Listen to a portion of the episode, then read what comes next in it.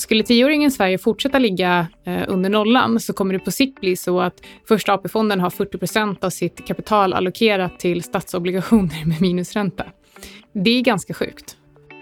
Jag tänkte att jag skulle få en reaktion på det. Ja, det är, ja, det är helt sjukt.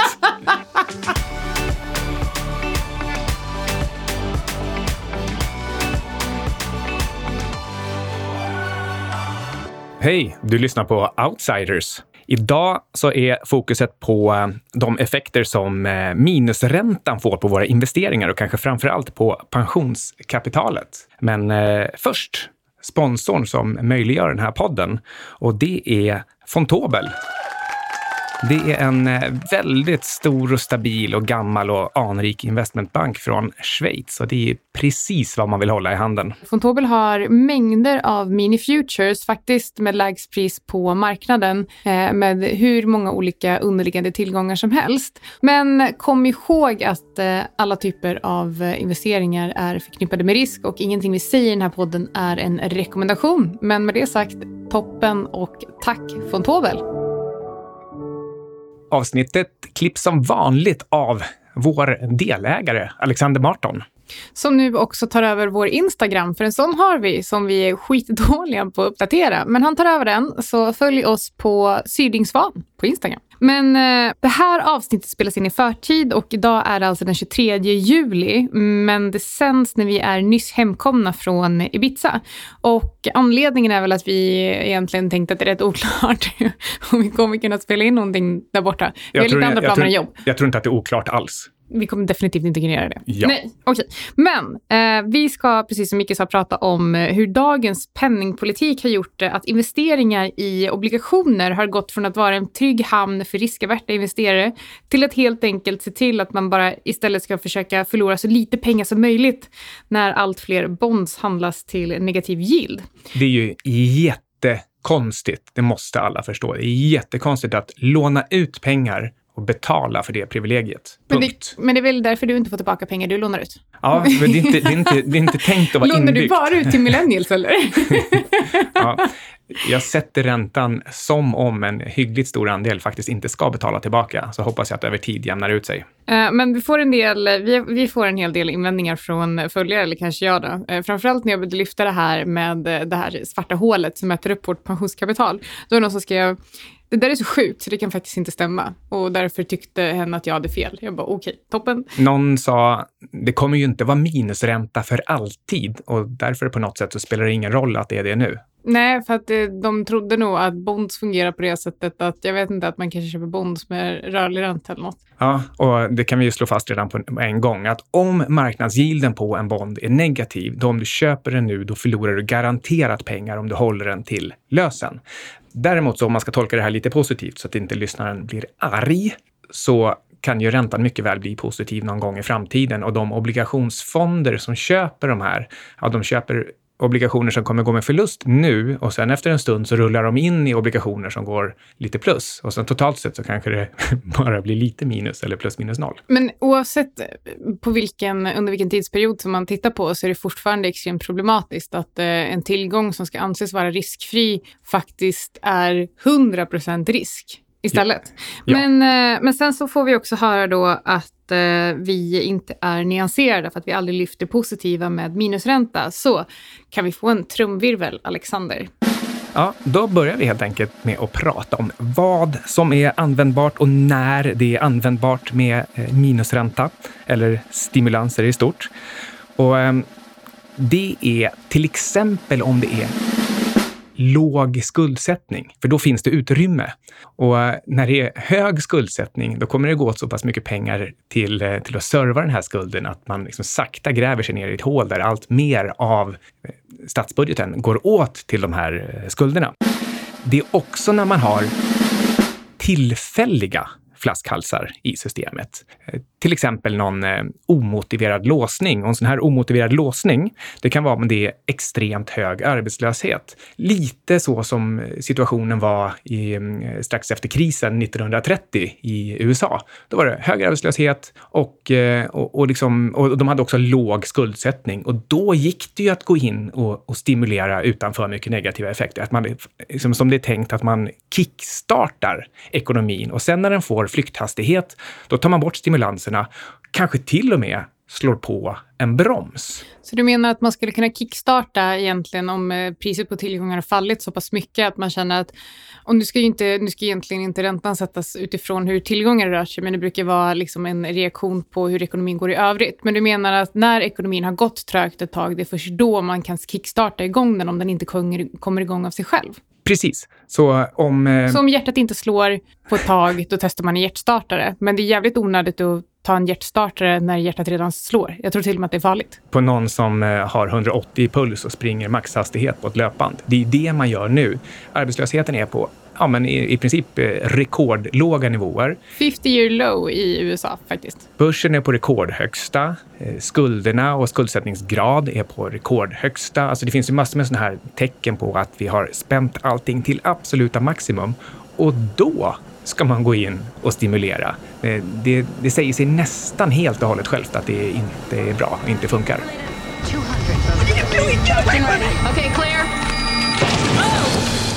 Det här är lite som att ta en shot fem på morgonen inne på en klubb. Man vill fortsätta det roliga. Mm. Ja, men och det är så man brukar säga också om att eh, Feds uppgift är ju att ta bort den här bålskålen precis när det är som roligast. Inte hälla i extra vodka i den. Men, men jag var inne på det här med, med eh, stimulans och broms. Och det är att eh, från allra första början så var det ju tänkt att ska man använda det här, då ska det vara en symmetri mellan stimulansen och bromsen. Så man kommer med sin kickstart och trycker på med lite diverse eh, åtgärder när det ser riktigt trögt ut. Till exempel hög arbetslöshet och folk går runt och är pessimistiska. Så ger man dem liksom en, en liten extra livslust och sen när allting går, går för fullt, man har högkonjunktur och, och börsen är stark och sådär, ja men då, då slår man på en broms och kanske till och med, inte bara det att man drar tillbaka stimulansen, utan att man, eh, man äh, sätter in kostnader, extra kostnader. Och, eller åtminstone ser till att man kan äh, betala av de skulder man drar på sig när man stimulerar. Så om man ska kissa i byxan för att eh, få det lite varmare när man fryser ute på vintern. Det här är en sån här klassiker som eh, man ibland kan få höra till exempel statsministern eller någon annan försöka dra på engelska där de inte har den metaforen. det är fruktansvärt cringe. Men om man nu ska göra det, då ska man ju bara göra det om det finns en varm stuga i närheten och att man är, man är nära så att man kan ta den här kickstarten för att ta sig in till räddningen. Men om det inte finns någon räddning, ja, vad ska man då bara spä på med mer och mer sån här gul likviditet och, och hoppas att det ska lösa sig? Eh, att, att det problemet man, man drar på sig, att, att det ska lösa sig med ännu mer, ja, då leder det bara till uttorkning och en ännu värre kölddöd när man väl får slut. Ja, det är jobbigt när man inte är kissnödig längre. Men, men som sagt, vi har ju många gånger tidigare faktiskt pratat om eh, om bara problematiken med minusränta och hur det leder till växande skuldberg och så vidare. Men det vi inte har pratat så mycket om däremot är egentligen det största problemet. Och jag tycker faktiskt att vi har balanserat upp det här avsnittet nu genom att prata om när det finns ett användningsområde. Och det är egentligen problemet, det största problemet är vad som händer med vårt pensionskapital när pensionsfonder tvingas allokera en del av kapitalet till statsobligationer med negativ ränta. För att inte tala om vad som händer med sparkonton med minusränta, som faktiskt kan bli en verklighet om man har normaliserat det här att minusränta är precis lika naturligt som plusränta. Det är bara ett teckenskillnad. Det här är lite som en digital carry tax eh, och vi har pratat om det i ett tidigare avsnitt. Och carry tax var egentligen ett förslag som lades efter it-bubblan. Och eh, då föreslog man att för att människor inte skulle sitta och hålla på pengarna. Så om man tog ut pengar, då skulle sedlarna stämplas och när man sedan handlade med dem så drogs en viss procent av beroende på hur länge man hade hållit de här fysiska cashen eller inte. Och det var egentligen för att se till så att folk inte, inte skulle sitta på pengarna för länge utan faktiskt spendera så mycket som möjligt för att få igång ekonomin. Och att eh, minusränta på sparkonton kommer ha precis samma effekt. Man kommer liksom inte kunna komma undan. Det kommer inte bli lönsamt att spara pengar längre och det är faktiskt ett eh, ganska stort problem. Låter det inte sjukt primitivt det här med att eh, hålla på eh, och uh, ska sitta någon, eh, någon sekreterare och stämpla pengar när du tar ut dem med ett datum och sen dubbelkollar man pengarna varje gång de används. Vad står det för namn? Vad står det för datum? Hur mycket carrytext ska vi därmed dra ifrån ditt konto för tiden som du har hyrt pengarna av staten? Det låter som Tellystix, ja. faktiskt. Ja, men eh, vi börjar från början. Var befinner vi oss nu i den här ränte och skulddjungeln? Om man tittar på världens totala skuld så ligger faktiskt 25 procent av all statsskuld i negativ yield bonds. Och eh, i juni så steg det här till 13 trillion dollars, alltså 13 biljoner dollar. Och eh, sen i december 2018, alltså för bara drygt ett halvår sedan, så har den här summan alltså dubblats. Men om man tittar på vissa enstaka länder istället så kan vi konstatera att i Tyskland så ligger faktiskt hela 85 procent av landets utlånade pengar i negativ yield bonds. Det här med trillion på engelska och biljoner på svenska och billion på engelska är ju rätt förvirrande. Och ibland så vill jag använda det engelska uttrycket hela tiden för att det är det man alltid ser i skrift och det alla alltid pratar om. Och sen blir det liksom på något sätt ändå alltid fel när, när man sen ska ta det svenska biljoner och, och råkar säga billion på engelska och så får man, man hamnar ju helt och hållet fel. Men eh, eh, 13 trillion, eller biljoner, det är alltså 13 000 miljarder. Och det är väldigt mycket pengar. 13 000 miljarder! Oh. Som, eh, som alltså, om du köper, om du är någon av ägarna till de här bondsen så går du back. Ja. Under en enskild vecka alltså, så steg det här med 1,2 trillion dollar till 13 trillion dollar. Så det var alltså upp med 10 procent av hela stocken av negativgildande bonds på bara en vecka. Det var faktiskt under min födelsedagsvecka, för det här rapporterade Bloomberg om den 21 juni. Eh, och om man då tittar på de länder som eh, klev in i den här klubben för eh, statsskulder med Eh, med tioårsräntan under 0% så förutom att Sverige fick komma in i klubben, grattis, lite applåder till dig, bra jobbat Ingves, så eh, blev även Österrike och Frankrike medlemmar. Eh, men vi kan också konstatera att Tyskland då, som är ganska illa ute med sina 85 procent, Tysklands och Japans tioåringar föll till nya all time lows. Men det är faktiskt inte bara riskfria bond som handlas till rekordlåga nivåer. Till och med Junk bonds handlas i vissa fall till negativ yield. Det är till, faktiskt 14 stycken i Europa. 14 trillion? Nej, alltså jag pratar om skräpobligationer. Alltså du, nu handlas 14 stycken skräpobligationer eh, till negativ ränta. Eh, är inte det ganska sjukt? Alltså det här är ju där är högrisk, högriskprodukter som du får betala för, för att investera i. Okay. Snacka om hög risk. Jag, jag, jag tyckte du sa Yankee bonds, inte junk bonds. Nej, jag skojar bara. Hilarious! Eh, men okej, okay, 14 stycken och en skräpobligation, eller skräpoblis som jag säger, det är alltså en obligation som har BB eller lägre i kreditbetyg. del... Och vad innebär det då? Eh, det kan du dra man... någon referens till kanske finanskrisen? Um, ja, det kanske man kan göra. Um, hela skalan ser ut så att om du har AAA, alltså AAA, det är de absolut bästa. Och sen är AA och A lite mindre bäst. Och sen kommer man ner på nästa nivå. Då är det alltså B-obligationer och, och där har man då triple B. Jag tycker spontant själv att det låter liksom sämre än enkel B. Ehm, men, men eh, det är ändå så att ju fler bokstäver högre upp, desto, desto bättre är det. Så eh, triple B, det är precis under A och sen hamnar man liksom längre, längre ner. Och BB är en skräpobligation och det beror på att den har en viss sannolikhet att gå i konkurs eller en, en, eh, en viss sannolikhet för hur stor payback du kommer få på, på din hundralapp som du investerar. Eh, men du har, ett, eh, du har ett exempel för Tesla också, som jag vet att vi har lyft innan. Ja, deras marsobligation för 2021, den har en B minus rating. Det är en riktig skräpoblis. Ja, det är ju det är så nära C du kan komma. Och, och, och, och C, då är det ju liksom knappt någon som får investera de där mer än Howard Marks, som ju faktiskt också vet vad han gör. Och då gäller det att eh, betala tillräckligt lite för att ändå få, få tillbaka pengarna. Men, men ett, ett stort problem här, det är att folk, eh, eller snarare fonderna, de går ut och köper sådana här för att eh, få den här högre räntan. Och eh, det betyder att det är ganska stora spelare som går in och då trycker de ner priset på de här. Så, ehm, och då hamnar de i en, i en nivå där man helt enkelt betalar för mycket givet sannolikheten att, att man inte får tillbaka alla pengarna. Men vi, vi backar bandet lite. Vi pratar ju i början om att det här är negativt för vår pension. Varför då? Svara! Så här, pensionsförvaltare måste enligt lag allokera en del av kapitalet i räntebärande papper med hög kreditvärdighet, alltså inte B-minus-obligationer, eh, oblisar, utan alltså statsobligationer, eh, vilket det ju då blir. Om man tittar, så jag var inne och kollade lite på eh, första och eh, andra AP-fonden. Andra AP-fonden är den absolut största.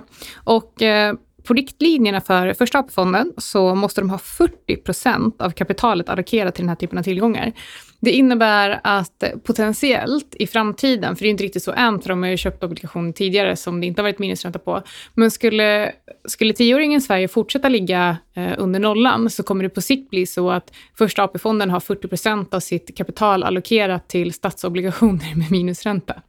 Det är ganska sjukt. Jag tänkte att jag skulle få en reaktion på det. Ja, det är, ja, det är helt sjukt. Okej. Om man tittar på andra AP-fonden istället, eh, som är, eh, det är den största pensionsfonden i Europa tror jag. Eh, de har 33 procent av kapitalet allokerat till den här typen av tillgångar. Jag tycker inte... Så de ligger, de ligger lite efter helt enkelt. Det är därför de heter andra AP-fonden, för att de har inte liksom lyckats köpa tillräckligt många negativt gillande bonds. För det är det man tävlar efter. Exakt så det funkar. Men eh, jag orkar faktiskt inte titta på resten. För att, men, men så här, det det jag försöker säga är att ni kanske tycker idag att eh, så här, rent själviskt, skitbra med minusränta för jag kan köpa en mycket dyrare bostad än vad jag har råd med. Eftersom att räntan är så himla låg så kan jag amortera av på den där och sen så eh, kan jag leva på bostaden när jag blir gammal. Men eh, det här är lite som att köpa en övervärderad aktie. För om du tittar på hur fastighetsmarknaden ser ut idag.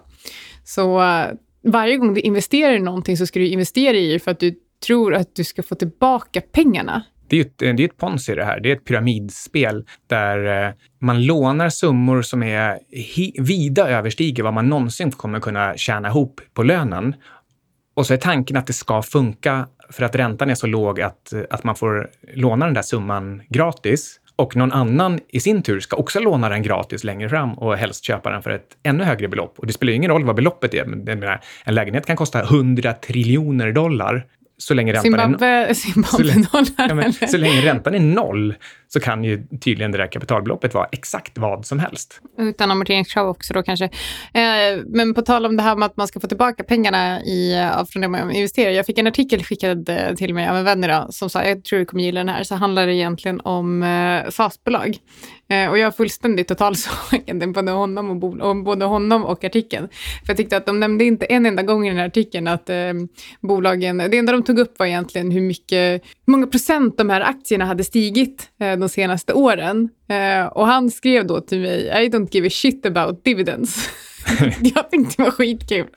Men, men eh, den där artikeln den är så himla tidssymptomatisk för den gjorde lite grann ansatsen att berätta om hur mycket värde de har skapat. Och värde i det här fallet, det betyder ju helt enkelt bara eh, market cap på, på börsen. Antal aktier gånger rådande kurs. Och eh, eh ingenting inte en enda vinstkrona, inte ett enda positivt kassaflöde. Liksom det, ordet nämndes alltså inte en enda gång och ändå så nämndes ordet värdeskapande massor med gånger. Nu hade han faktiskt lite bättre koll på de här bolagen än jag hade, för att jag, för att jag sa det, de nämner inte det. Han bara, nej men flera av dem är faktiskt, går faktiskt med vinst. Men den här normaliseringen då av låga räntor och minusräntor leder alltså på sikt till sämre resultat för pensionsfonder och alltså mindre pengar i plånboken i plånbinken.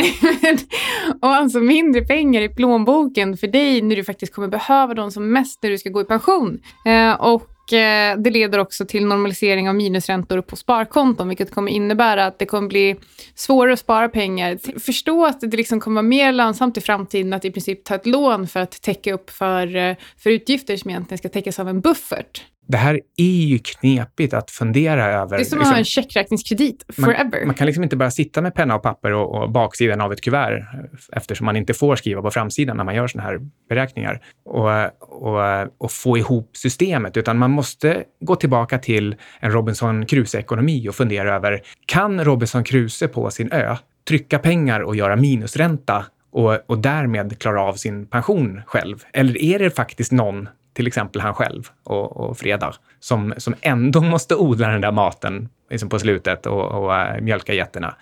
Ja, det är det. Sen låter det som att ja, men i ett samhälle, då funkar det inte på det sättet, för alla effekterna sprids hela tiden ut på alla. Ja, men det är just det de gör. Så att alla blir fattigare än de annars skulle blivit och de blir det typ imorgon. Och därmed så bryr man sig inte och tänker att det gäller nog inte riktigt mig. Men i slutändan så måste ju alla allting som vi ska äta och alla tak vi ska bo under och alla, alla, alla transporter vi ska liksom få utförda, de måste ju också utföras på riktigt. Och det säger sig självt att det spelar ingen roll hur mycket pengar man trycker. Eh, det är faktiskt till och med tvärtom, att när man trycker de här pengarna och får folk lite överoptimistiska på kort sikt, då tenderar de till att, eh, och det gäller både företag, privatpersoner och stater, då tenderar man att, att köpa onödiga saker. Man tänker inte riktigt efter. Man, man, man eh, tvingas ju inte göra det bästa, utan man gör lite allt möjligt. Man köper en diamantring här, bygger en bro till ingenstans där. jag tänkte precis fråga om du, om du syftade på när jag i höstas fick hybris och gick till uh, en juvelerare och bara, hej, jag skulle vilja välja en diamant och designa en egen diamantring och gjorde det. Älskar den i och för sig. Så nöjd. Bästa ja. grejen. Hur som helst. Um, och, jag har lite saker fallet, jag vill fortsätta säga. Och, och, i det här fallet så, eh, så knuffar man över det på just våra egna pensioner till att börja med. Det är väl de som är mest konkreta förlorare på det här. För, inte minst för att de måste köpa minusbonds. Och sen, sen det utrymmet de har kvar och köpa lite vad de vill för, ja, då smyger de ut på riskkurvan. Då köper de corporate bonds, alltså företagsobligationer. Och för att de vill få upp snitträntan så mycket som möjligt. Då köper man de som har så hög yield som möjligt, men fortfarande klassas som investeringsbara, det vill säga triple B eller möjligen double B, så jag tror inte man får göra det, men, men triple B minus i alla fall. Och då ställer man sig inför följande risk, nämligen att de där triple B, de är ju bara en nedgradering från att bli junk och då måste de tvångssälja. Och då när alla ska tvångssälja dem samtidigt, då kollapsar ju priset, vilket gör att den där yield pickupen, den försvinner och blir ja, så dålig att de hellre hade legat i eh, redan minusavkastande statsobligationer. Vilket också förklarar varför de där statsobligationerna är på minus, för de är faktiskt ändå bättre än att eh, ligga uppe i, i, eller nere i junk. Jag, eh, jag har precis läst eh, The Spider Network som handlar om hur man manipulerade LIBOR. Och eh, en annan sak som nu när jag egentligen det senaste året har fördjupat mig ganska mycket i eh, egentligen hur det finansiella systemet fungerar runt om i världen och hur, hur penningpolitiken och eh, hur vi har skadat hur vi har skadat egentligen det finansiella systemet. Jag tror inte att det finns en reset härifrån och jag tror definitivt inte att vi kommer gå tillbaka till att skapa en ny typ av fiat fiatvaluta för att börja om därifrån. Jag tror att fler och fler kommer gå tillbaka till, eh, eller gå på Irans spår som precis eh, har gått ut med att de ska släppa en guldbackad krypto som, eh, som valuta. Så jag tror att vi kommer gå mer och mer åt det digitala hållet och eh, det här är absolut ingen rekommendation eh, för att säga att någon ska köpa bitcoin eller inte. Däremot så, för jag tror, tror inte bitcoin kommer bli någon typ av världsvaluta. Däremot så tror jag att Facebooks Libra är, ehm, är ett fantastiskt bra sätt eh, och ett bra exempel på hur kapitalismen egentligen utmanar förlegade finansiella system och eh, kan vara en av räddningarna för, eh, för människan faktiskt. Så tack Facebook! Det kan bli en, både en bra trigger i övergången till krypto och digitala valutor av lite alla möjliga slag från alla möjliga olika utgivare. Och kanske, nu, nu gillar jag ju verkligen inte Facebook och deras metoder och allt vad de håller på med. Jag har ju till och med ägnat helgen här åt att radera alla mina album och eh, ta bort alla, alla nya vänförfrågningar och så vidare. Så att jag liksom håller på att avskaffar Facebook till slut. Hur många vänförfrågningar hade du? Tre eller? Nej, hundra ungefär. Jag råkade ta bort en, eh, såg jag, precis innan jag tryckte off, så såg jag att jag tog bort en som jag faktiskt ville svara ja på. Nej. Vi kan gå till, eh, eh bara ta en storleksjämförelse på de här eh, företagsobligationerna i USA. USA har en total statsskuld på ungefär 23-24 trillion och eh, deras företagsobligationssektor, i den så finns det en trillion med ren junk och sen finns det fyra trillion som är bara ett steg ovanför junk. Och här ligger alltså mycket av eh, Amerikas eh, pensionskapital och eh, eh, många intelligenta bedömare tror att det är det här som kommer bli epicentrum för den kommande kraschen. Och allt som behövs för att utlösa den, det är en, eh, en lågkonjunktur. För då kommer nedgraderingarna. Ja, det, det blir eh, spännande att se vad som händer, men jag tror faktiskt inte att det går att sparka den här burken så himla långt eh, fram. Men, men för att sammanfatta det här då, så minusränta suger och det är väl det vi har pratat om idag. Då har du lyssnat på Outsiders. Med Syding och Svan.